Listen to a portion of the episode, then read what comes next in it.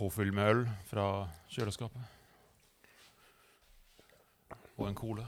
Det er veldig lite OTB på den cola. Ja, den, den, får du ikke, den får du ikke bruke i kveld. Har du hørt om han eh, Han som eh, skulle Han var dømt til døden. Så satt han i elektrisk stol, stolen, og så spurte om han hadde, hadde noen siste ord. Og så sa han bare Let's do this. Let's do this, boys. Yes.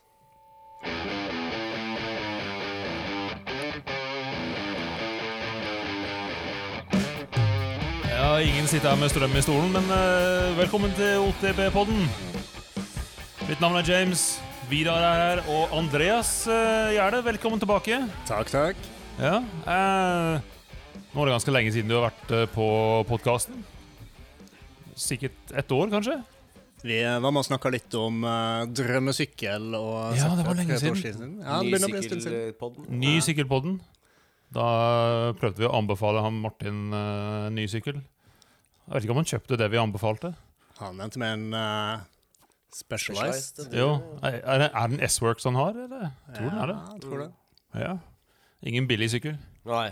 Med dårlige bremser. Ja, er bremser. Er Magure MT7 sånne klin umulig å lufte.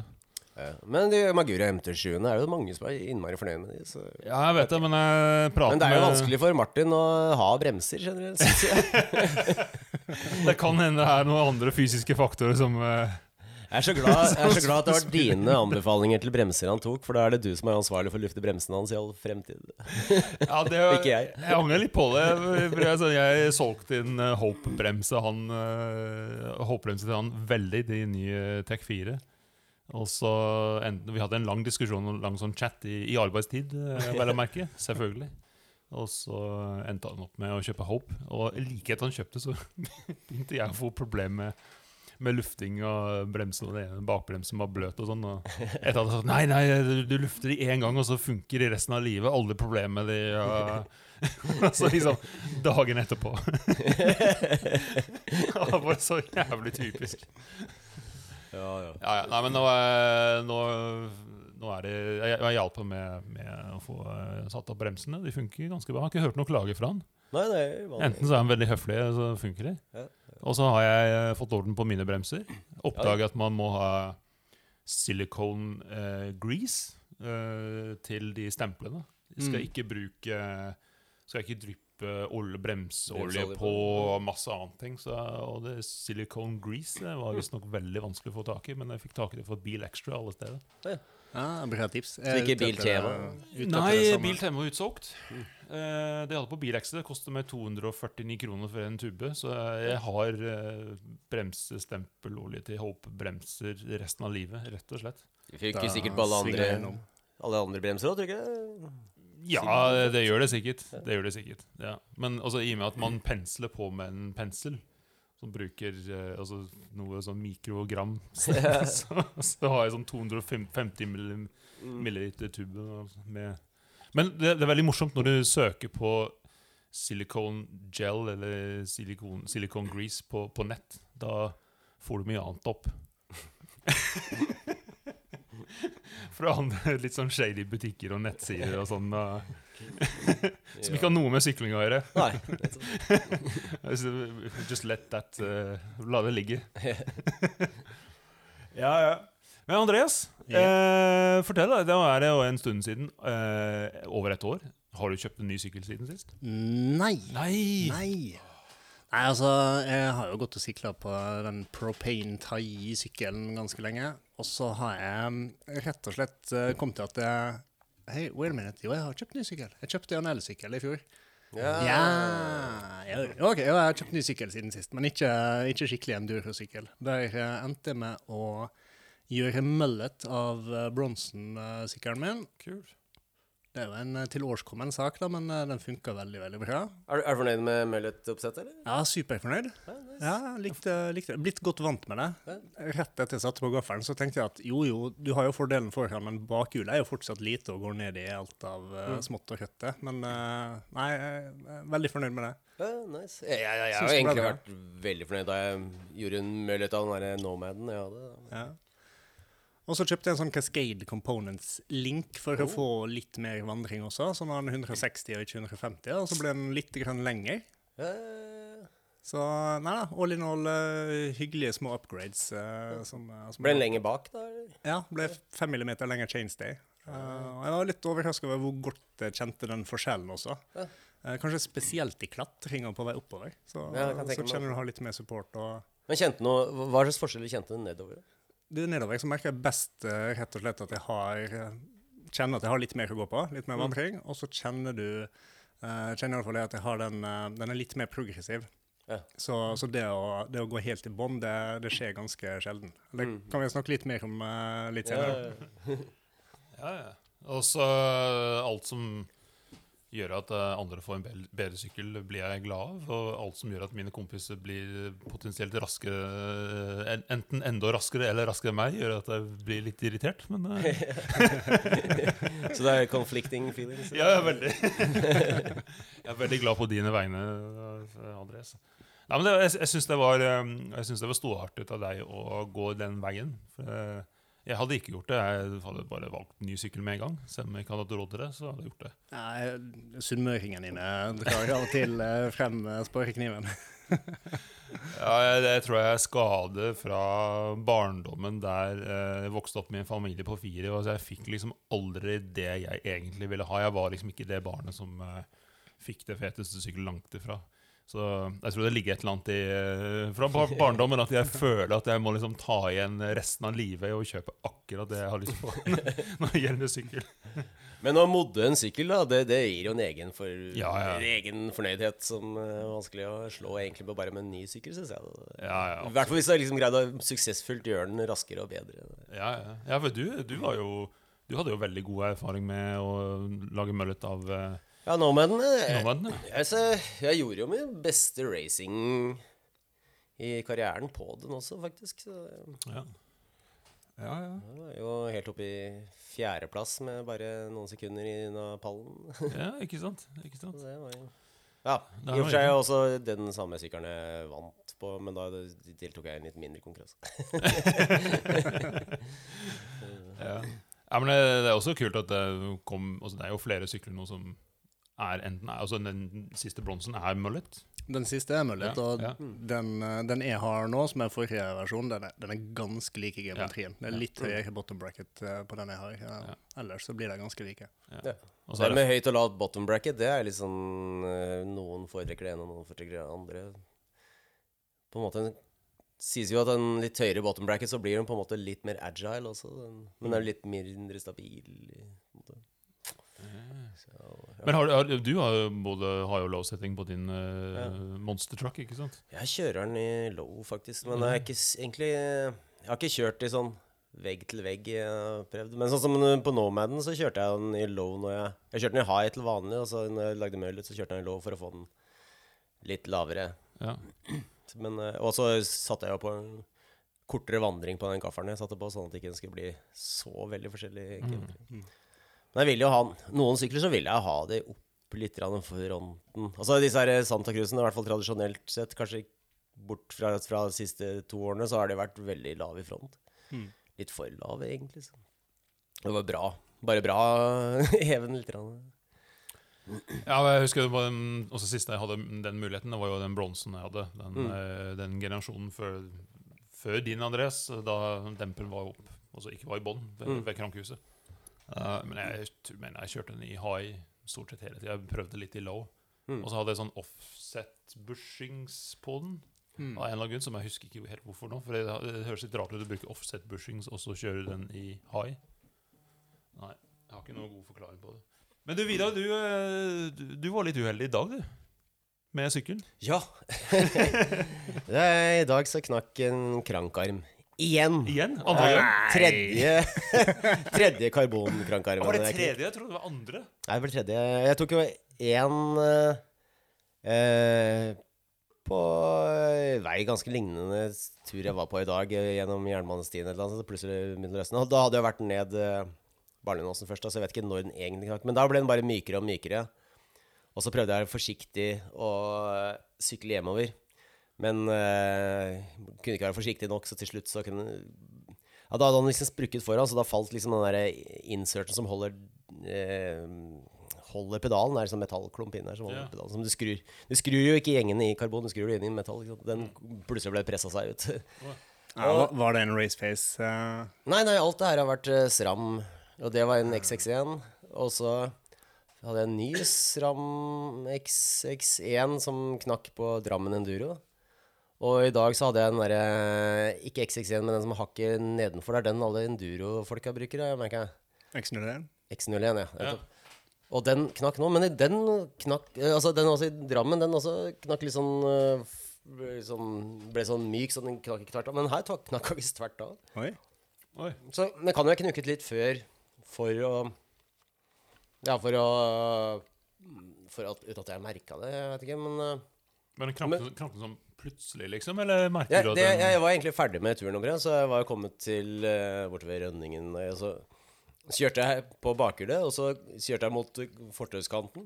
Og så ga jeg en, jeg en ekstra crank for å bunnyhoppe opp på fortauet Mm. fra bakhjulet, og da, da bare Da bare lå den plutselig på asfalten.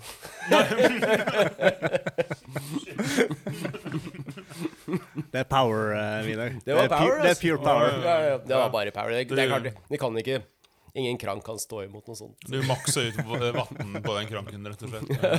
Ja, ja. Men er det nå du skal for det første slutte å kjøpe SRAM?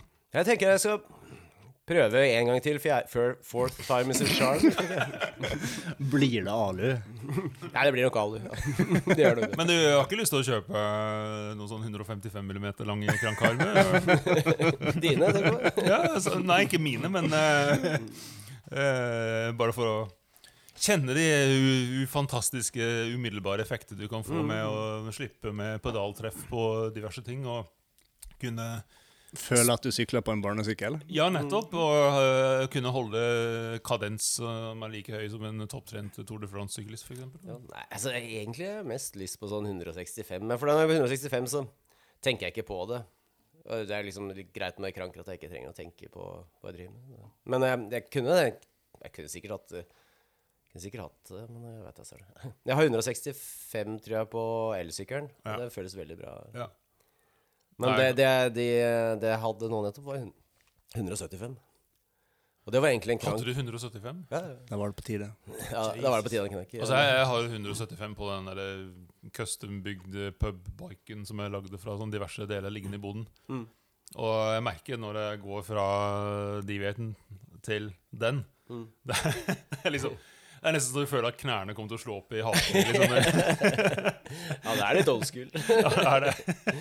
Nei, men Grunnen til at jeg hadde det på den, var egentlig at jeg fikk jo med den med uh, det Access-giret som jeg kjøpte en gang for lenge siden på Black Friday. Og da var jo hal- halv pris på greiene.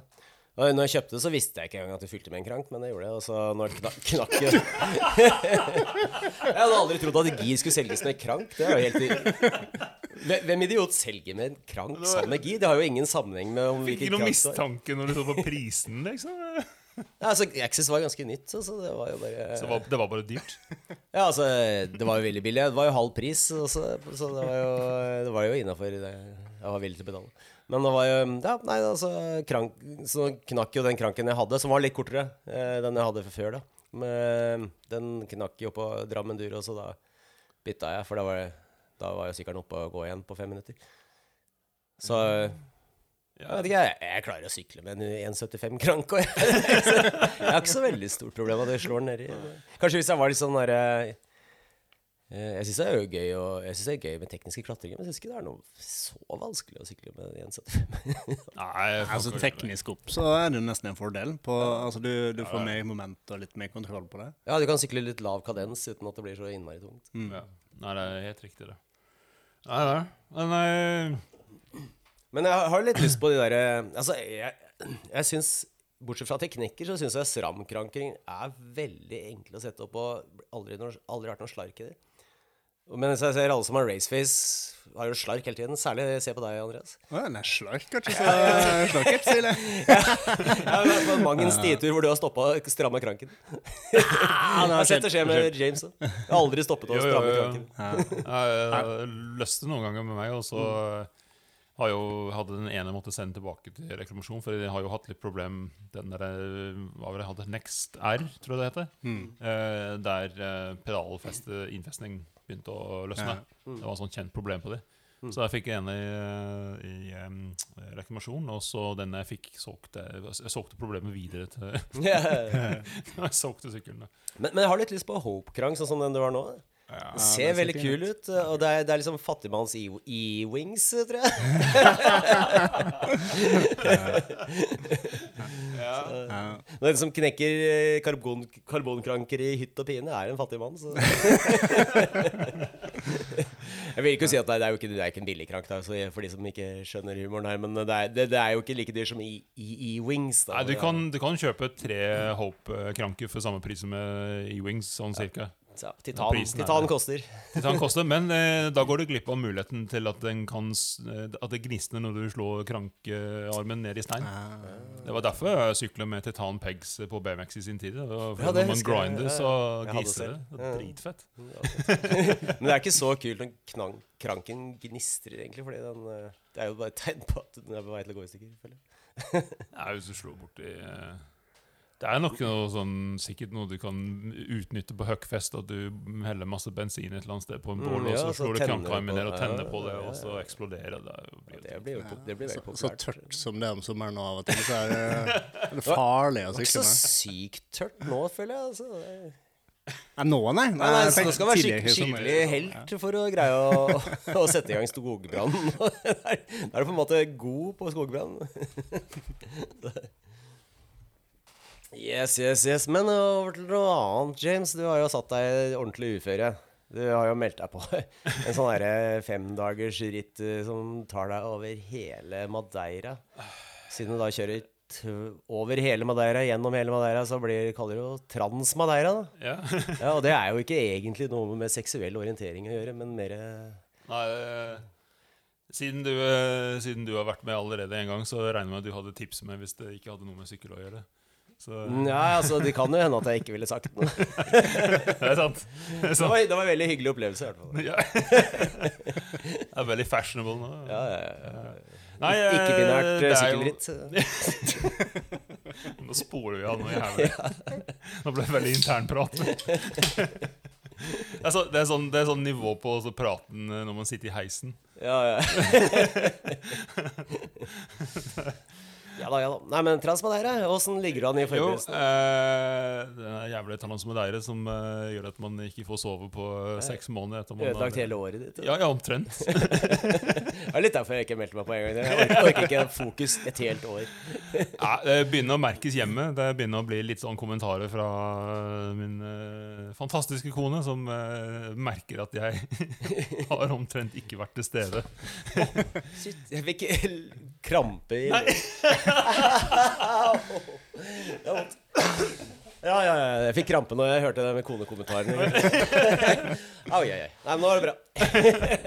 Må ha mer øl, tror jeg. Altså. Ja, ja, det- Yes, ja, de, kona di var ikke Nei, så, så, ja, jeg har fått, fått, noe, noen kommentarer at, eh, ja, at det er det eneste jeg tenker på. Altså, Jeg, jeg måtte lide litt uh, ensom der også, så jeg ikke, ikke brukte opp kvota. For det er som sagt det er en litt sånn kvote hvor mye du kan ta det opp. Ja, det er akkurat det. Og så føler jeg at uh, jeg har Altså Vi snakka om det før. Uh, hadde den der jævla covid som på en måte gjorde at jeg følte at jeg begynte sesongen på etterskudd i forhold til opptrening og sånn. Og så kom det seg etter hvert. Og så hadde jeg litt sånn tilbakefall på en måte med noe annet i påske. Og så fikk jeg litt uh, gjensyn med det. Veldig sånn kort fortalt. liksom. Ja, du, du hedger uh, unnskyldninger her nå? Ja, nei, men det, det var litt mer enn som så, for at jeg hadde fikk sånn, sånn urytme på hjertet, rett og slett. Sånn ekstraslag, som var så veldig voldsomt og ikke er noe særlig hyggelig. Jeg har vært eh, masse hos lege og undersøkt og dritt med det. Ikke noe farlig. Veldig mange har det, bla, bla, bla. Det er ganske vanlig blant idrettsutøvere, faktisk. Ja, eh, men akkurat sånn som jeg fikk det i den siste jeg hadde bare tre-fire uker siden, så var det sånn det, var så, det er så kraftig at du føler liksom hjertet skal hoppe ut av halsen, på en måte. Så det, Æsj, det er- og så blir man litt eh, Ja, man blir litt rar av det. Eh, så det blir mye angst og greier. og Sånn. Så, så sånn er det. Men eh, det, det er jo ferdig igjen for andre gang, så jeg føler at formen nå er bra. men av sånn litt sånn helseting som dukker opp her og der, så blir jeg ja, Jeg må, måtte jobbe mye med mentale, da. Mm. Eh, for det, du kan si største bekymringen min er jo å dra ned dit, eh, og så skjer det et eller annet, og så blir jeg liggende der en uke og får ikke sykle. Og, Mm. altså, jeg, jeg tenker ikke sånn at jeg ramler, jeg tenker sånn at det er andre ting. Altså, det er Mm. bare min hode som jobber litt mye på over, overdrive noen ganger. Ta en Stian, liksom. Ja. Eh, Nei. Så Men eh, akkurat nå så er jeg en eh, happy place, kan du si. Jeg egentlig gleder meg veldig til det. Så, selvfølgelig litt sånn smånervøs, men eh, har selvfølgelig ikke fått sykle nok. Men det er jo ingen som har stilt til start som føler at de har fått Nei. trent så mye som de egentlig ønsket. Var det ikke det André Aamodt sa? Du, du har jo ikke vært sjuk i hele år. Nei. Nei, nei, nei. Og jeg, har, altså jeg måtte ta en liten sånn recap forleden. Jeg tenkte sånn, faen, jeg har jo vært Jeg var en uke i Hafjell. Jeg var tre dager på Nesbyen. Jeg har syklet i snitt eh, Jeg tror jeg ligger på sånn åtte timer i uka. Ja, og ja, Eh, pluss lagt inn treningsøkter på jobb to ganger i uka og litt sånn og sånn. Og, sånn. og så har jeg hatt flere sånn Bare for et par dager siden så var jeg, våkna jeg bare så utrolig sliten. Og da var jeg sånn Å nei, jeg begynner å bli sjuk, jeg kommer til å dø om to dager. Og sånn Og så tenkte jeg sånn Nei, faen. Og så begynte jeg å se på treningsloggen på Strave. Og så sånn Ja, men herregud. skulle bare mangle. nei, sånn, Intervalløkt tirsdag, eh, styrkeøkt på morgenen onsdag og eh, rolig langtur på ettermiddag. Og så to, to økter på en dag, og så ha jeg stitur på tredje dag, liksom. Så, er- pluss full jobb og alt annet. Så er jeg sånn Ja, men herregud, det er ikke rart at du er sliten. Ja, nei. Det, men du må bare holde deg frisk. Altså, det var ikke Ja. som jeg gjorde. Jeg ble jo syk rett før. Ja, ikke sant? var jo Altså, forkjølelse. greier. Så jeg, så jeg, har, jeg har lent meg veldig på dere to som sitter her, kompisene. Så det har vært eh, sånn noen styrtere De har liksom følt at det har vært veldig bra. Fått litt sånn god prat og fått eh, litt sånn reality check, rett og slett. Mm. Det setter jeg utrolig pris på. Siste turen vi hadde, så fikk vi også sjekke at du, had, du har jo utrolig bra form. Ja, egentlig. Jeg var imponert når jeg, når jeg, dro til Hafjell, og da, da var det jo siste dagen av Var det fire på rad eller sånne? eh? Fem? Eh, Det var på dag fem, faktisk. Dag fem, ja. Ja. Fordi da Femte dagen i Hafjell, da, i hvert fall hvis du har liksom vært litt ivrig Og du var jo oppe og sykla på fjellet en tur på kveldstid. Ja, stemmer. Ja. Og begynte denne uken med en fem og en halv timers uh, stitur i Fagervann. Da jeg kjørte alle Ja, segmentene stemmer på det. toppen. ja, Det så blir på en måte sjette dagen. Da. Ja. Ja, sjette harde dagen, faktisk. Yes. Og det, det er jo Det er jo mer enn Transmadeira, egentlig. Ja. Så det er allerede Det er nettopp det, og det er veldig fint at både, både jeg minner meg sjøl, og det andre minner meg på det. liksom. Så jeg tror formen er bra, og så eh, Ja, jeg kommer garantert til å oppleve noen ting bli noen små segmenter, stier, eller jeg vet ikke whatever, som kanskje blir litt satt ut, eller et eller annet, men jeg tenker sånn det er en del av uka. Ja, altså, Jeg tror det er ingen som kommer gjennom en hel uke sånn helt ærlig, med mindre du er kanskje eh, Win Masters eller et eller annet, der du ikke følte at du ikke naila alt, eller jeg- Nei, men jeg tror Win Masters følte det samme. Han så utrolig sliten ut. Altså, han skal jo vinne, han konkurrerer mot andre folk som er beinharde. Ikke sant? Så Ja, ja, ja. Han gir jo alt. Og jeg tror nok han var enda flinkere til å gi alt enn f.eks. jeg ville vært. Så jeg, jeg var jo mindre sliten i bunnen av en stage enn det han var. Var det? For han hadde jo han hadde gitt alt, mens jeg, jeg kjører jo med jeg kjører jo for å overleve og ha et langt og godt liv. jeg, jeg, var jo der bare for moro skyld. Han var jo der eh, også for moro skyld, men han tror det betydde litt for han å vinne også. Eh, Jeg, jeg kunne ikke vinne. Jeg hørte en podkast der han hadde, han hadde knekt armen, og så hadde han en eh, sånn metallstang i armen eller et eller annet for å holde den på plass, Mm. og så skulle han absolutt sykle en konkurranse med den, og så når han kom ned, så var, hadde han klart å bøye den, så når han så ned, så, så var armen armen hans som en banan. Ja, ikke sant? Det er et annet mindset enn det vi uh, setter på det. Det er, det er ikke verdt det for en familiefar fra Oslo. Liksom. Nei da. Så, så Nei, jeg, jeg- skal Nå er vi vel tre uker til, sånn cirka. Eh, så jeg skal ha Neste uke er uh, siste sånn hard treningsuke. Eh, og etter det så trapper jeg ganske kraftig ned, så det blir jo sykling og litt sånn Håper Vi har snakka om kanskje vi skal ta litt tur i Frognerseteren. og- Ja, det er veldig bra. Det er ikke så slitsomt, men du får kjørt ganske hardt. eh, Veldig hardt. Ja, litt sånn, litt sånn kjøre hardt og teknisk, men lav intensitet, på en måte. Sånn, Mm, Må bare passe på å ikke slite kroppen. Så det ble jo bra. Og så har jeg funnet ut hva slags dekk jeg skal bruke. Yes, Nei. det er, jo, det er jo nummer én. Ja, ja, ja, det, var, det, er, det er faktisk det som jeg har tenkt mest på. så dette er en sterk anbefaling fra deg, så, og mye beskrivelse av hva slags, hva slags terreng og sånn finnes der nede. Og jeg har sett veldig mye på Det ligger hundrevis av YouTube-videoer der ute. Eh, så jeg landet, landet på Continental Ar Argotal, eh, både foran og bak i Supersoft. Eh, jeg fikk teste de nå i Drammen og litt stietur og sånn, og de er, de, jeg syns de er helt rå. Ja, det var veldig kult at de også funka veldig bra i Drammen. Fordi Ja. det som er at de er jo litt sånn herre Et sted annet sted mellom eh, Ja, mellom de der grov tørrværsdekk og eh, ren gjørmedekk. De er jo ganske sånn, sånn halv, halv gjørmedekk, liksom. Og for vått føre. Og, og det som ofte sånne lider av, at det kan bli litt sånn ulne i uh, bikepark når det er veldig hardt og fint. Men mm. det funka Du kjørte jo fort og bra gjennom berms og overalt. Det holdt jo. Ja, ja, Samme det- trøkken. Og, og, og, og som du sa rett før du kjøpte de uh, Kerr kjørte de på hardline. Ja. Hvis de tåler hardline, så tåler de vel en James også. ja, altså, de forholdene på Hardline er jo, det er jo våte, glatte slabs og Ja. mye gjørme. Ja, men det er også ganske high speed og svinger med mm, solide burns. Ikke sant? Og så tenkte jeg sånn Ok, hvis de holder for burn on cur, så funker det for meg.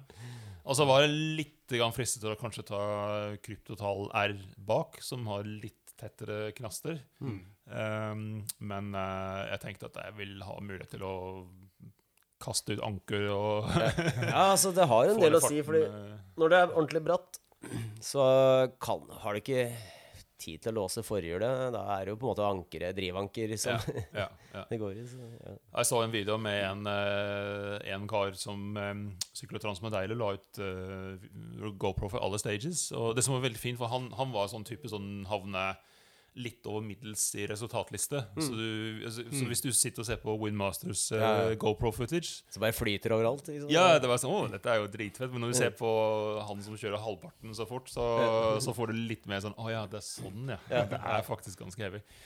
Så, men jeg så han hadde Maxis uh, Det så ut som det var um, Assegai foran. Og det, det, det var bare han, Det var bare slicks. Ja, jeg, kjørte med Assegai foran, og det var jo steder det var Det var sånn brune slicks, som jeg kalte det. The Ja. brown slicks. Det, var- det, liksom, det var tettpakka med gjørme, og det er- ser ut som en sånn brun, eh, jevn Ja.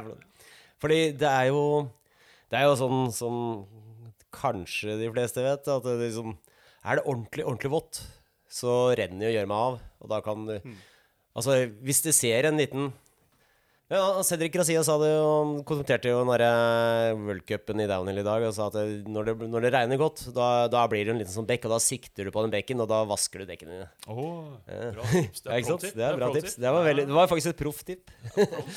ja, altså, så, men eh, sånn som i Madeira, i hvert fall når jeg var der, så var det ikke noe regn på dagtid. Men eh, det var alltid litt regn på nattetid oppe i fjellene. Ja. Så du kom opp, det var alltid vått og glatt og gjørmete. Men det var sånn gjørme som driver og tørker, og den er jo klissete som fy. det er det verste du kan ha. Ja, ja, ja, ja. Så, men det var bare Det er jo bare noen få stager som er både veldig bratt og veldig gjørmete, men det er jo litt sånn key å komme gjennom de, da. Ja, ja. Nei, så dekkene er på plass. Eh, eneste annet jeg har gjort på sykkelen, er jo jeg kjøpte litt lengre stem. Jeg hadde 35 millimeter, og nå er jeg 30, nei, 42,5. For jeg fant ikke 44. Jeg ville egentlig matche offset på gaffelen. Eh, og jeg kom til å beholde den. Jeg var litt sånn oh, Hvordan blir det i bike park? Og litt sånn, men faktisk så var det bare helt uh, Og så skulle jeg ikke tro at 7,5 mm skulle gi så mye forskjell. Nei, Kan hende at det er litt placebo, hvem vet. Men, eh, men jeg syns i hvert fall det ga meg bare bitte litt mer eh, retningsstabilitet. da Uten at det gikk utover uh, lekenhet til eh, sykkelen. Så jeg syns det var helt super. Så det kommer jeg til å 42,5 er jo veldig fasjonabelt akkurat nå. Ja, det ja. Ja, ja, ja. Det er, det er morsomt, for det er så spesifikt tall. Ja, ikke sant? så, så er landet der. Så ellers så er alt på plass. Men eh, så er det over til egentlig det som er hovedtema hovedtemaet i dag, og det er jo eh, dempere. Dempere. For det også var jo litt pga. Transmedeire, så Eller hvis jeg går enda lenger lenger tilbake, så ha- fikk vi et tilbud fra han eh, Gavin Steder. Eh, Som har vært i podkasten vært i podkasten, riktig. Eh, som er mm, sykkelmekaniker på, blant- på Gira sykkel. Og akkurat nå har vært uh, sykkelmekaniker for et lag på World Cup eh, Det er han, i Andorra. Ja. Ja, Han skal være borte i tre uker nå. Mm. Eh, han også har bygd opp og jobbet mye på sykkelen til Brage, blant annet. Mm. Inkludert den sykkelen han tok eh, jaw-drop eh, på. Mm. Eh, så he knows his shit, for å si det sånn. Ja, han har jo vært og, sånn mekaniker på, på, um, for noen folk på uh, Red Bull Rampage òg, tror jeg. Stemmer. Han har vært på Mm. Rampage òg. Han er jo lang, eh, ganske lang og imponerende sykkel-CV. han da. Mm, ja, ja. Og så har han begynt med dempekurs, som uh, han var inviterte oss på. Vi skulle egentlig på Høgevarde, men vi kunne ikke, for det var midt i sommeren. og sånt, Så han eh, la opp eh, et kurs for oss i Drammen Bike Park, som vi var heldige nok til å være med på. Eh, jeg var veldig sånn eh, tenkte veldig på meg sjøl, for jeg tenkte at det er helt fantastisk, for da får jeg satt opp demperne mine helt perfekt til eh, Transmadeire Mm. i samme sleng. Så han tok service på demperen min rett før. Så var det kult. Fant ut at eh, airshaften hadde en sånn stress eh, Eller muligens sånn eh, Begynnelsen av sånn stress fracture i Mm. Airshaften. Mm, det Airshaft, ja. Uh, så det litt, uh, litt ålreit, da. Mm. Så ja, men uh, Vidar, fortell. Hva, hva, hva går det litt ut på det dempekurset? Du som var det. Jeg var det der, og vi du alle, vi alle tre. Vi alle tre var der. Ja. Uh, jo. Nei, det var jo Først så gikk han jo gjennom litt sånn grunnleggende prinsipper. Fortalte oss litt. Grann. Og så hadde vi Jeg kan ta outline først, da. Så hadde vi ja, en liten litt sånn session hvor vi bare kjørte runder i eh, Det høres mye kulere ut å si laps. I, I Drammen Bike Park. Jeg hadde kjørt litt forskjellige løyper. Og vi mente at vi burde ikke nødvendigvis kjøre den samme hele tiden. Fordi Mm. du blir bare bedre og bedre på det. Så kan du miste noe av progresjonen på demperne med at du bare har blitt flink. Ja, det, det var kanskje det første topptippet mm. som, som jeg plukket opp. Det var ikke kjøre samme sti om igjen. Fordi Eh. da, blir det, da får du mer selvtillit, så du kan oppleve at du opplever at dempere blir bedre, selv om de egentlig ikke blir det. Fordi du, Ja. du bare blir bedre på stien. Nei, det, det har jeg sett en del sånne eh, enduro-folk, eh, enduroprofiler, når de skal teste hvilken sykkel de skal bruke, så må de bytte sti hele tiden. For det, det at hvis du kjører bare fortere og fortere, så blir det mer og mer som Da skrur du deg nærmere og nærmere en downhill-sykkel fordi du kjører samme greiene opp igjen. Så blir det som å kjøre en downhill. Liksom, du kjører hardere og stivere hele tiden. Men i hvert fall, jo. Også, ja, det, det første sånn uh, uh, Teorien han gikk gjennom, da, så fortalte han jo Nå skal vi ikke gjenfortelle alt, for da stjeler vi jo hele yrket hans. Men eh, så enkelt er det kanskje. Nei da. Men det- var i hvert fall liksom litt om, om forskjellige grunnprinsipper om hvordan rebound funker og Det, det som var kanskje litt sånn spennende, var jo liksom egentlig eh, Kompresjonsdempingen Mm. funker jo sånn som man tenker seg at eh, kompresjonen liksom, den står imot at, at, at demperne går, slår seg sammen. Da. Eh, altså, men, og det var jo high speed og low speed og litt sånne ting. Men på eh, retur så er jo ikke retur high speed er ikke det samme som motsatte av kompresjon high speed. For kompresjon high speed er jo når liksom demperne blir slått veldig fort sammen. Eh, og om du kjører i to km i timen og tar et dropp til flat, eller om du kjører i 100 km i timen, det er det er så er det jo samme high speed-greiene. Det er jo, det er ikke, men det er jo Det er jo hvor fort demperen klapper sammen, liksom. Mens eh, på vei ut igjen så har den jo ikke noe fart. Eh, så high speed rebounden må jo begynne å virke når demperen er eh, Ja, hva skal jeg si, holdt på å si kollapset. Når, når farta til demperen er, null, Er null, så må den allerede begynne å virke. Begynne å funke. Ja, ikke den, den husker ikke om det gikk fort eller sakte sammen. Nei, nei, så den er posisjons... eh, hva skal jeg si, posisjonssensitiv. Mm. Så hvis den er, demperen er langt inne, så er det på high speed rebound. Hvis den er langt ute, så er det på low speed rebound. Mm. Og det er jo ikke Mens eh, kompresjonsdempingen er jo ikke posisjonssensitiv. Da. Den er jo lik enten du er Det er jo bare fjæra som er posisjonssensitiv. Jo lenger inn du er, så jo mer eh, motstand er det i en fjær. Mens eh, demperne er jo like hele veien. Mm. Så det, det var jo litt, eh, var litt spennende. Han sa at på en måte har man jo litt skjønt det sånn instinktivt også, men det er egentlig ikke tenkt på det sånn.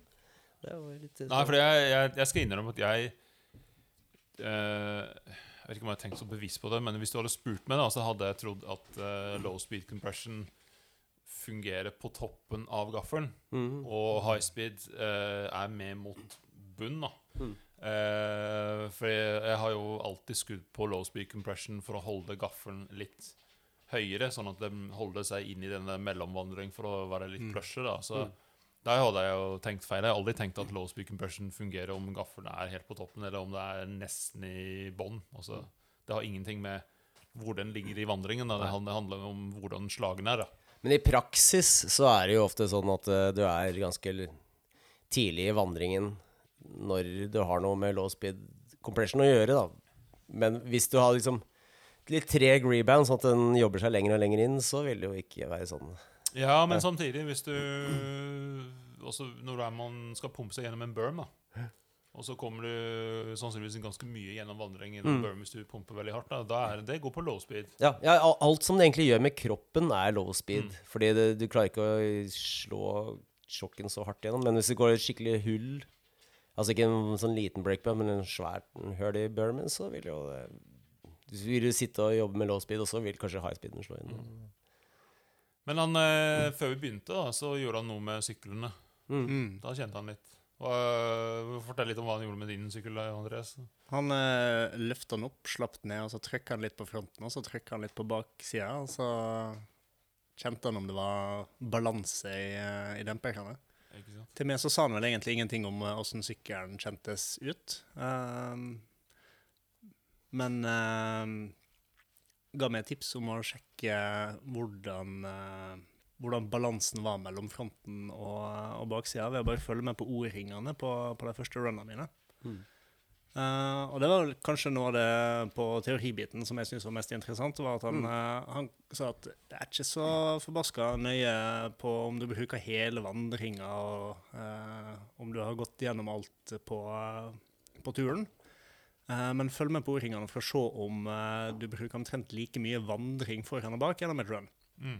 Eh, så det, det tok jeg med meg inn i de første turene mine fra, for å følge med. da. Ja, det var egentlig mest det som skjedde med Eller du og jeg, Andreas, vi hadde jo egentlig ganske lik sånn tuning-opplevelse der. Det var jo stort sett front og bak balansen det gikk i. Det, det var faktisk på På, på, på, på, mm, parkeringsplasstesten så var det ganske likt hos meg, men når vi begynte å sykle, så, så var jo disse her eh, O-ringene som viser hvor dypt i vandringen har gått, så viste jo at jeg brukte jo mye av bakdemperen stort sett hele tiden, men eh, en god del mindre av eh, gaffeldemperen. Mm.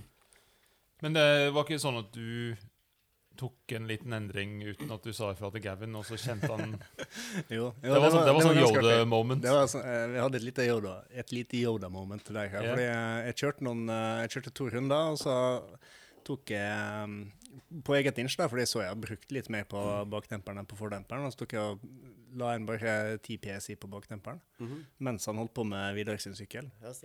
Eh, og så kom han bort for å kjenne på sykkelen min igjen, og så eh, hadde jeg putta inn eh, litt mer luft baki, og så løfta han på den, trykka litt på den, og så så han rart på meg, og så sa han Gjorde du noe med demperen din? så eh, ja, jeg putta litt luft i bakdemperen. Og, ja, det, det var det jeg skulle foreslå, sa han, og så tok vi et nytt run. Ja, det er ganske rått. Ja, det, da, da ble jeg imponert. Men jeg ble mer imponert over det som skjedde med sykkelen, for det, det Ja. var ganske, ganske kult å kjenne. Så øh, når jeg fikk bare litt mer luft tilbake, baki, så tenkte jo jeg at nå kom den til å bare kjennes litt mer hard ut. Mm. Eh, men det jeg opplevde da vi kjørte flytløypa på den turen etter jeg hadde tatt inn mer luft, det var at uh, jeg fikk mye mer fart både gjennom bermsa og over hoppa. Og jeg kjente akkurat det samme. Vi fikk jo samme treatment, og det var bare vanvittig hvordan liksom responsen ut av svingene var. ja, ja. ja, det, gikk, det gikk mye Iallfall føltes Merkbart. veldig mye Ja, det, merke, det var jo merkbart, liksom. Ja, det var, det, var, det var dritgøy. Det var high fives når vi stoppa midtveis Ja, der. ja, Bare, Men vi merka også når vi dro inn i skogen over røttene, at det, det, det slo litt mer også. Ikke, ikke sånn at det stoppa oss på noen måte, men det var merkbart. ja. Og, men så sa det til Gavin, så så pumpa han i enda 5 PSI til, og så skrudde han ned rebounden litt saktere. Mm. For å kompensere stort sett for mer luft.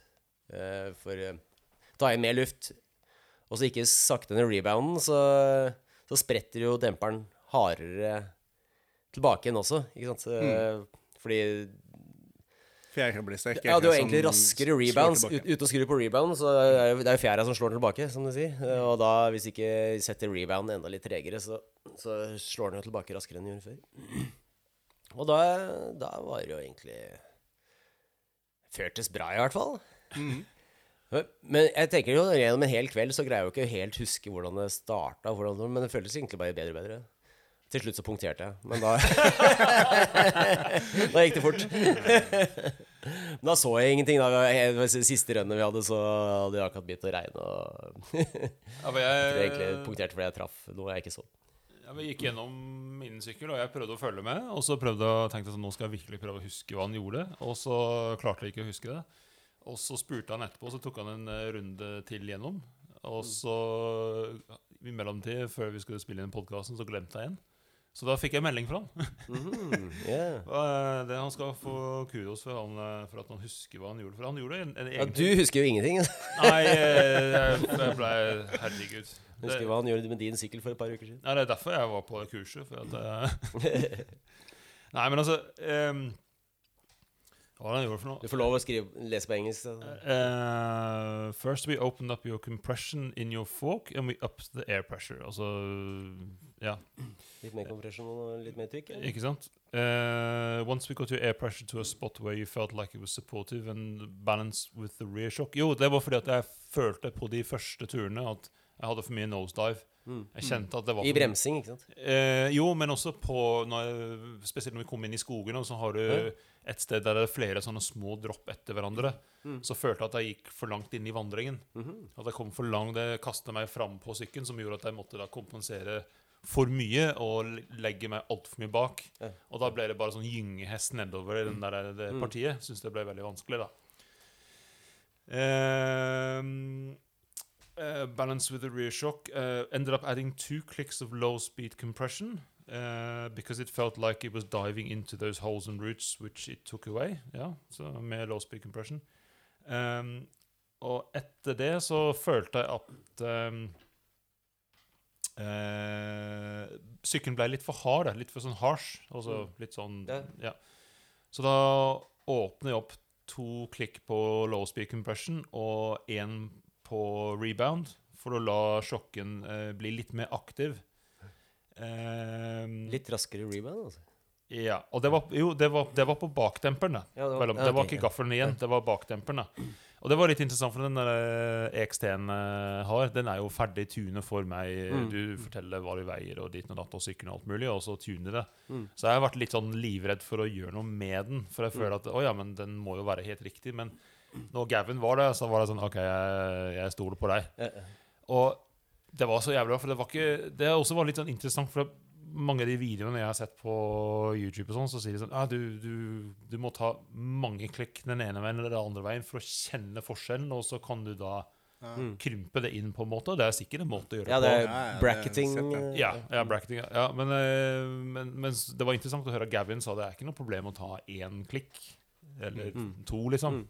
Og, men når han tok det siste justeringen på bakdempen, så var det bare eh, Der fikk det en sånn ny sykkelfølelse. Ja. Altså, den satt så jævlig bra. Ja. Litt, litt raskere rebound og litt mindre kompresjon, var det så? Eh, hva var det jeg sa igjen? Ja, da får du litt mer aktiv sjokk, altså den beveger seg litt mer. eh, ja, du, snakker du om bakdemperen. Bakdemper, ja. Ja.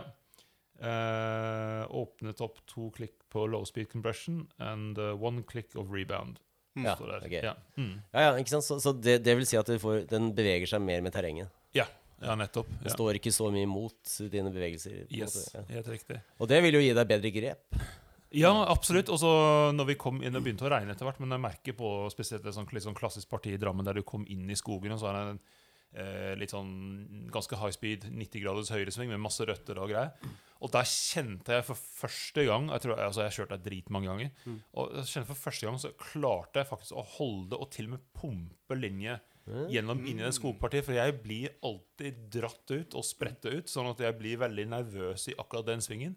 Og så fulgte jeg etter noen av dere en eller to turer, og vet at dere holder bra hastighet gjennom der. Og for første gang så var det ikke sånn at jeg følte at jeg måtte ha livet som innsats for å komme meg rundt den svingen. Ja, nice. Og da merker jeg liksom Å ja, da var det mye fristende å legge ned sykkelen og trykke litt og pumpe. Og det var bare sånn Så alt liksom falt på plass. Det var sånn, yeah. And it's the Gavin. The Gavin-effekt. Gavinizer. Ja, det er Gavin Men jeg kan si også apropos Vi nevnte i stad det med å ikke sykle samme sti flere ganger. Og jeg merket personlig for meg at um, det var viktig i starten å ikke følge etter noen. Mhm. Fordi når vi begynte å sykle, så var det den klassiske å kjøre tog. Han skal ikke kjøre for meg. Og jeg ble fullstendig opptatt av hva andre folk dreiv med, og hvor fort de sykler.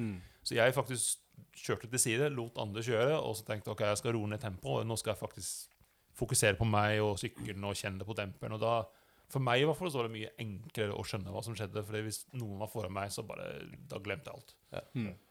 Så, Nei, det var Jeg i hvert fall har fått føler at jeg har fått superoppsett til Transmadeire, spesielt. Og jeg har vært en del turer nå i lokalskogene hos dere jeg kjenner godt, og det føles som sykkelen sitter bare så sjukt bra nå. Så bra. Ja.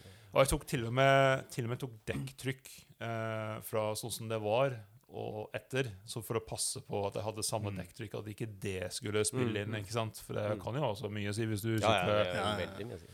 20 PSI før og 24 etter, så ja. Ja, det er Så- mye å si på grepet. Nettopp. nettopp. Hmm. Så jeg fikk ny sykkel. Ny sykkel. Igjen. Uten å kjøpe ny sykkel for en gangs skyld. Den var ikke dårlig fra før, men eh, nei, det førte at jeg bare fikk maksa ut potensialet. Det fra er det. jo fantastisk. Ja, egentlig. Hmm. Men om jeg klarer å få satt opp f.eks. e-biken, ja, det vet jeg ikke. Ja, men nå Det, vet men jo det er Kanskje. Ja, altså det jeg likte godt med Gavin sin approach, og som jeg mener han snakka om i den podkasten også, for de som vil gå tilbake og høre på den, Mm. eh, det er jo eh, å, å begynne med å finne ut hva, hva er det egentlig du skal fikse på. Hva er Mm. gærent? Ja, Og så isolere det, det, ikke sant? Og så, og så tar du ting for ting. Mm. Ja. Og da er det jo greit å vite litt om hva er det egentlig som eh, påvirker det du ønsker å fikse på. Ja. Eh, så, så hvis du syns den føles veldig hard over røttene, så prøv å finne ut hva du kan gjøre for å fikse på, på det. Mm.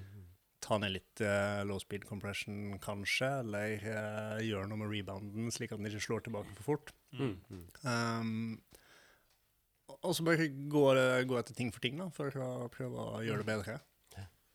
Ja, det Og det er litt annerledes enn hvordan jeg har eh, lært om demping og vandring og oppsett før. Da har det stort sett vært sånn sett seg til 20% foran og 30% bak. Eh, og så prøve med sånn bracketing for å tune inn hvordan rebounden skal være. Det, det er jo egentlig Det, det syns jeg iallfall har vært en helt forferdelig approach, fordi da, da begynner du med å sette noe er helt, for, OK helt forferdelig trykk, begge og så, og så begynner du på noe helt forferdelig begge Ja. ender, så ender du alltid på midten, på en måte. Ja, ja det gjør det. Ja, for jeg, jeg hadde jo i starten med den 38-en så syntes jeg det var så hard, og så løste jeg det med at jeg gikk eh, ned på Og så fjerna all compression. Mm.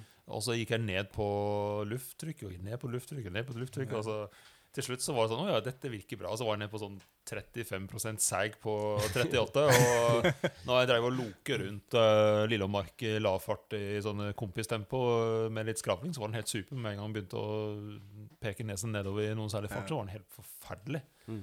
Eh, og jeg, men jeg hadde gaffelen sånn lenge før jeg skjønte at det var på helt feil. Altså, det jo sånn som var kult, at, som vi sa tidligere, at med luft kan gjøre det med plush, og Mm. kombinere riktig med kompresjon. Og så det, ja. det er liksom motsatt tankegang, nesten. Du må jo, du, ja, som også Gavin sa i denne teorigreiene, du må jo sette den opp for de gangene du kjører hardt. Ja. Du kan ikke sette den opp for å lunke rundt på vanlig stitempo i Nei, og det skal ikke føles riktig på parkeringsplassen. Nei, nei, nei. Skal egentlig føles ganske skal, dritt. skal jo støtte deg når du, når du drar på. Ja. Men han hadde noen teorier på bånding av gaffelen Mm. som, uh, som Du var ikke helt enig, eller du har en annen teori personlig sjøl? Nei, altså Nei, han, han, han altså, Jeg er ikke helt uenig heller. Altså, den, han, eh, han sa liksom at det, Altså, én sånn læresetning har jo vært at du skal liksom Du har jo betalt for hele vandringen, så du skal kunne bånde den, bruke det hele vandringen hele tiden. Mens uh, Gavin sa at uh, den andre teorien som han, han var mer fan av, var jo at uh, At det liksom ik- ikke At du har det i reserve til når det skjer noe. Ja. Men altså, det eneste som jeg personlig altså det, er, det er ikke noe som er rett eller urett for min del, men altså, det eneste personen jeg syns, at det ikke gjør så mye Og det sa jo han, at det gjør ikke noe bånd i gaffelen eller demperen, de er lagd for å tåle det. Men uh, altså, jeg, jeg, jeg føler ikke at jeg trenger, bare for å ta en hard landing Om det bånder eller ikke, så har jeg liksom fortsatt armer og bein å ta imot, men liksom, så det er jeg ikke så opptatt av at det sparer noe til worst case scenario. Det må jo eventuelt være ja, så, De som kjører World Cup downhill, selvfølgelig, de, de må jo du, Hvis du har litt, rann, litt rann til overs som ikke bånder helt jævlig, så har du litt grep Mm. til overs Ja, ja. når det skikkelig smeller. Ja. Men eh, sånn, sånn på enduro-bruk, da, eh, så er jo Ja, jeg vet ikke. Da, da må du jo Han Dan Atherton hadde jo eh, en sånn gjengang hvordan han satte opp sine ting da, den gangen han kjørte enduro. Eh, han er ganske hardcore. Men han sa at når du kjører enduro, så må du så må du regne med at du må ta noen av disse båndingene med dine egne muskelstyrker. For du kan ikke kjøre enduro og eh, liksom alltid ha satt opp til worst case scenario. Så du må sette den opp slik at uh, demperne skinn og funker bra til det du vil ha det meste av. Ja, Når, det- når det går skikkelig Når det går bra fort, da. Ja, la oss si at det, liksom, vi, vi bruker den der 95 percentilen som, som man ofte bruker i sånn statistikk for å finne ut uh, når Altså at worst case scenario som du setter opp for, er uh, Altså 95% er jo utrolig nøyaktig, da, men altså tar du da det aller, aller meste av det du driver med. Og så en gang iblant så kommer det en kompresjon eller en hard landing hvor du må rett og slett bare ha trent nok på eh, styrke til å tåle det. Men, det jeg, jeg tenker poenget Det jeg oppfatta som det viktigste poenget, var å ikke sette opp sykkelen sånn som James hadde gjort, for Ja, uh, chill sykling i Lillo, hvis det er det du Det var det han egentlig mente. Ja. Ja, men eh, det her er jo toppanbefaling fra han som har laget Hardline. Eh, Så, ja, ikke sant. Dan Atherton har lagd hele Hardline, så han, han vet han, han, eh, Altså, de andre Athertonsene er jo ikke noen så dårlige, de.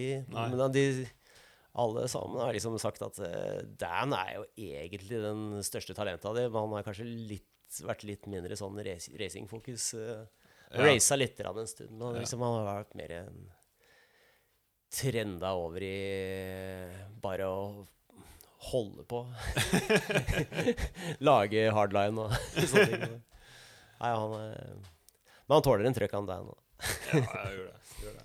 Jeg så, eh, det er en sånn video på nettet hvor han kjører den der top to bottom Whistler eh, enduro-greiene. Det er en bra video å se på. Yes. Kult. Ja, men eh, jeg, jeg tror vi må eh, runde av litt. Men altså eh, Det begynner å bli litt seint på året nå, men, og Gavin er jo borte litt. Men absolutt eh, hvis han eh, kom, Han kommer nok til å komme med flere sånne kurs på Mm. demperoppsett. Eh, jeg kan anbefale altså, jeg kan si, Det var ikke sponset her, vi faktisk betalte for å være med på kurset, sånn, så det er ikke Mm. sånn at vi har fått noen sånn sponsegreier. Så- Og vi hadde flere andre, som han Stian og en annen som heter Stefano, som var med. Men eh, jeg syns egentlig det er litt rart at eh, altså Det kan godt hende at noen andre har gjort lignende, men jeg har ikke sett det. Men jeg syns det egentlig var helt genialt. Som går sammen fem stykker i en gjeng og eh, booker han for en kveld, så vil jeg si at det er verdt penga. Altså. Ja, absolutt. Ja. Det er, eh, jeg heller det enn å og kjøpe seg en ny eh, sjokk som er egentlig helt lik den gamle på et annet merke. Som alle gjør hele tiden. Absolutt. Eller å bytte fra luft eh, til coil til Ja, luft til coil. luft til coil til luft til coil igjen, og så eh, tar deg egentlig ikke noen steder. eh, Bygge om sykkelen til mullet. eh. Det faktisk gjorde faktisk stor forskjell. Men jeg har faktisk også gått den der luft til coil. Jeg hadde jo en Vivid uh, Air for, Nå har det kommet en ny Vivid Air, forresten. Så bra ut. Det er, det er mer en Rockshocks har en stund hatt manglet den der X2-størrelsen Mm. Av uh, luftsjokk, men nå er den tilbake. Men jeg hadde Vividair den forrige gangen det var. Det var en veldig bra sjokk, og jeg bytta den ut med en coil. Og jeg var egentlig fornøyd med det, men jeg tror egentlig ikke det gjorde noen forskjell i praksis. Det var bra dempere begge deler, liksom. Mm. Så ja. Hadde du slengt inn noen hundrelapper i en suspension-klinikk med GV-en, så jeg kanskje var, kanskje det hadde gjort større forskjell. Men jeg var veldig fornøyd med coilen, og den så jævla kul ut. Så det var også et faktum. Ja, det er mye eh, visuelle tuning-muligheter der. Altså. Ja. Ja, absolutt. Men- ja, men knallbra. knallbra. Eh, vi må ta en liten runde med skriftestolen her, tror jeg. Men forresten, en liten kjapp en før. Kan vi ikke? Før vi går inn. Ja, ja, ja, ja, ja, vi kan bare rope utover av skriftestolen. eventuelt. Altså fordi jeg så ut som Mille Joseth kom på sjetteplass i oh, ja. downhillen i dag. Det er jo litt fett. Og hun, hun har jo vært tidligere gjest, så vi heier jo ekstra mye på henne. Ja. Så det Du får ikke lov å rope så veldig mye, for jeg har ikke sett, uh, har ikke sett den. Det er jo for seint. Har du ville vite, gutte... Ja, det, det var det jeg tenkte sånn ellers, liksom. Ja, ja, ja, nei, da skal jeg la den være. Ja, ja. Men vi, vi klapper for Emilia. Yeah. Ja, knallbra. Superbra. Yes. Ja, ja, ja. Men vi må inn i skriftestolen, vi. Mm. Altså Vi er jo Vi har jo vært gjennom skriftestolen en god del.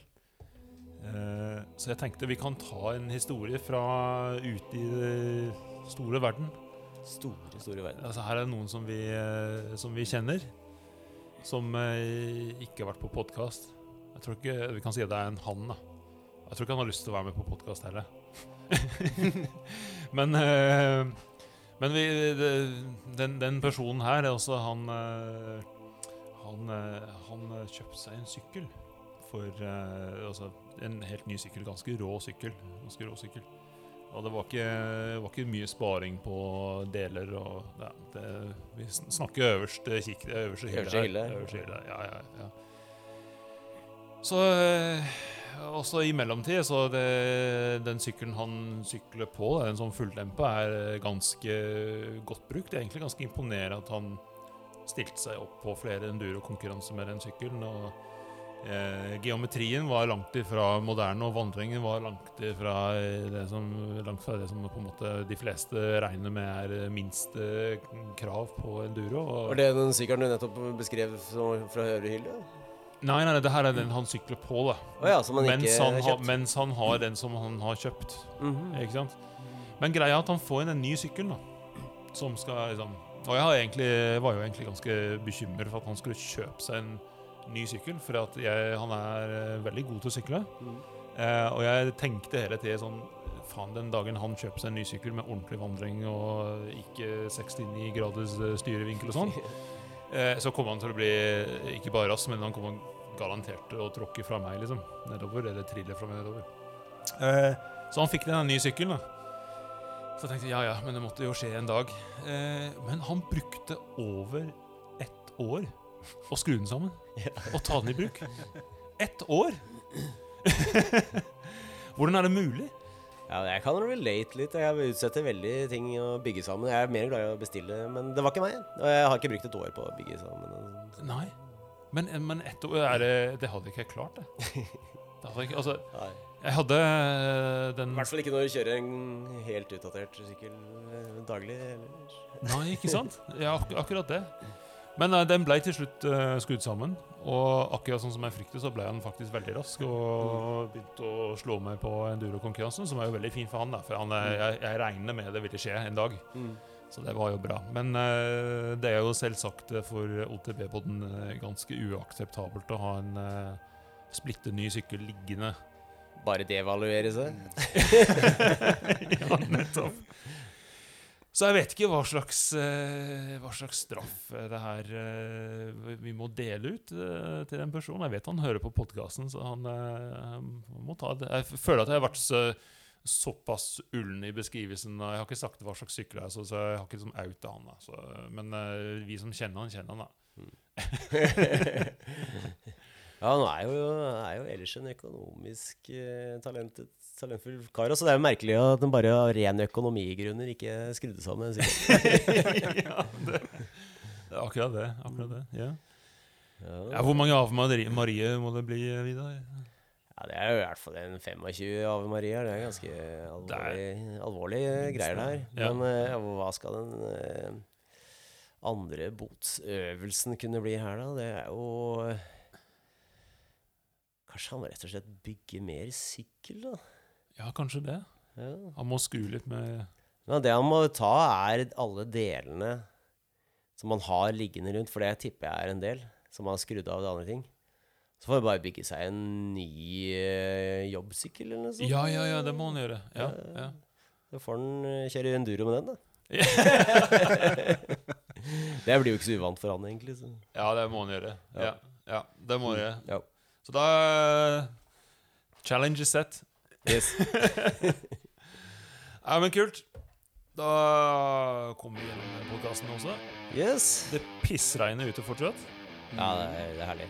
Perfekt over til transmodeller. Perfekt transmedere. Eh, også ikke innen den, pod altså innen den podkasten kom ut, så har NM i enduro vært på Traktor Bike Park. Men akkurat mens vi snakker, så er det i morgen. Ja. Og jeg ser ut til å vinne at det bøtter ned. Så jeg er ganske imponert. eh, Flere av våre gamle gjester er jo der også. Flere av våre gamle gjester. eh, Anette Bastnes er det i hvert ja. fall. Og så er jo uh, Arild der, vel. Arild er der. Og Ole Jovold Landmark, vil jeg tro. Antar det. Er det? Og an, an, er André påmeldt med elsykkel? Kanskje? Jeg er litt usikker. Ja, jo, jeg tror det. Ja. Eller har snakka om det, men jeg har ikke sjekka. ja, ja. Jeg jeg Roy, jeg om- Roy Ripe sykler med elsykkel òg. Ja. Og der har de sånn power stage òg. Ja, de, de, de, de skal gjøre elsykkelgreier litt sånn mer riktig. Ja. Og de, de skal kjøre De skal kjøre noen ekstra De kjører ekstra lang runde også. Ja, den ene etappen begynner de lenger opp. Ja. Ja, ja. Og, og det er litt sånn bortover og oppover underveis. Og så skal de i tillegg ha sånn power stage som er sånn oppoverbakke. ja. ja. Jeg er glad jeg ikke er med. Hadde Da, da er det på en måte ingen sånn der kosetur på elsykkel lenger. Ja, jeg vurderte er bare- å ta en sånn Transmodelle Light og stille opp, men så tenkte jeg sånn, nei faen, hvis jeg driver og skader meg på Traktor Enduro tre uker før, det gidder jeg ikke. Og samtidig så gidder ikke jeg å gjøre det dårlig og gå helt i kjelleren og tror jeg ikke kan sykle, så Nei, det bare bryter deg ned. ja, ja, ja. Så, men eh, masse lykke til til alle de som eh, innen den her kommer til har allerede syklet. Ja, ikke sant. som motsatte. Ja, Og gratulerer til den nye Norge Norgesmesteren. ja gratulerer til ny norgesmester. norgesmester. Ja. Yes. Yes. Vi ses i skogen. Cheers.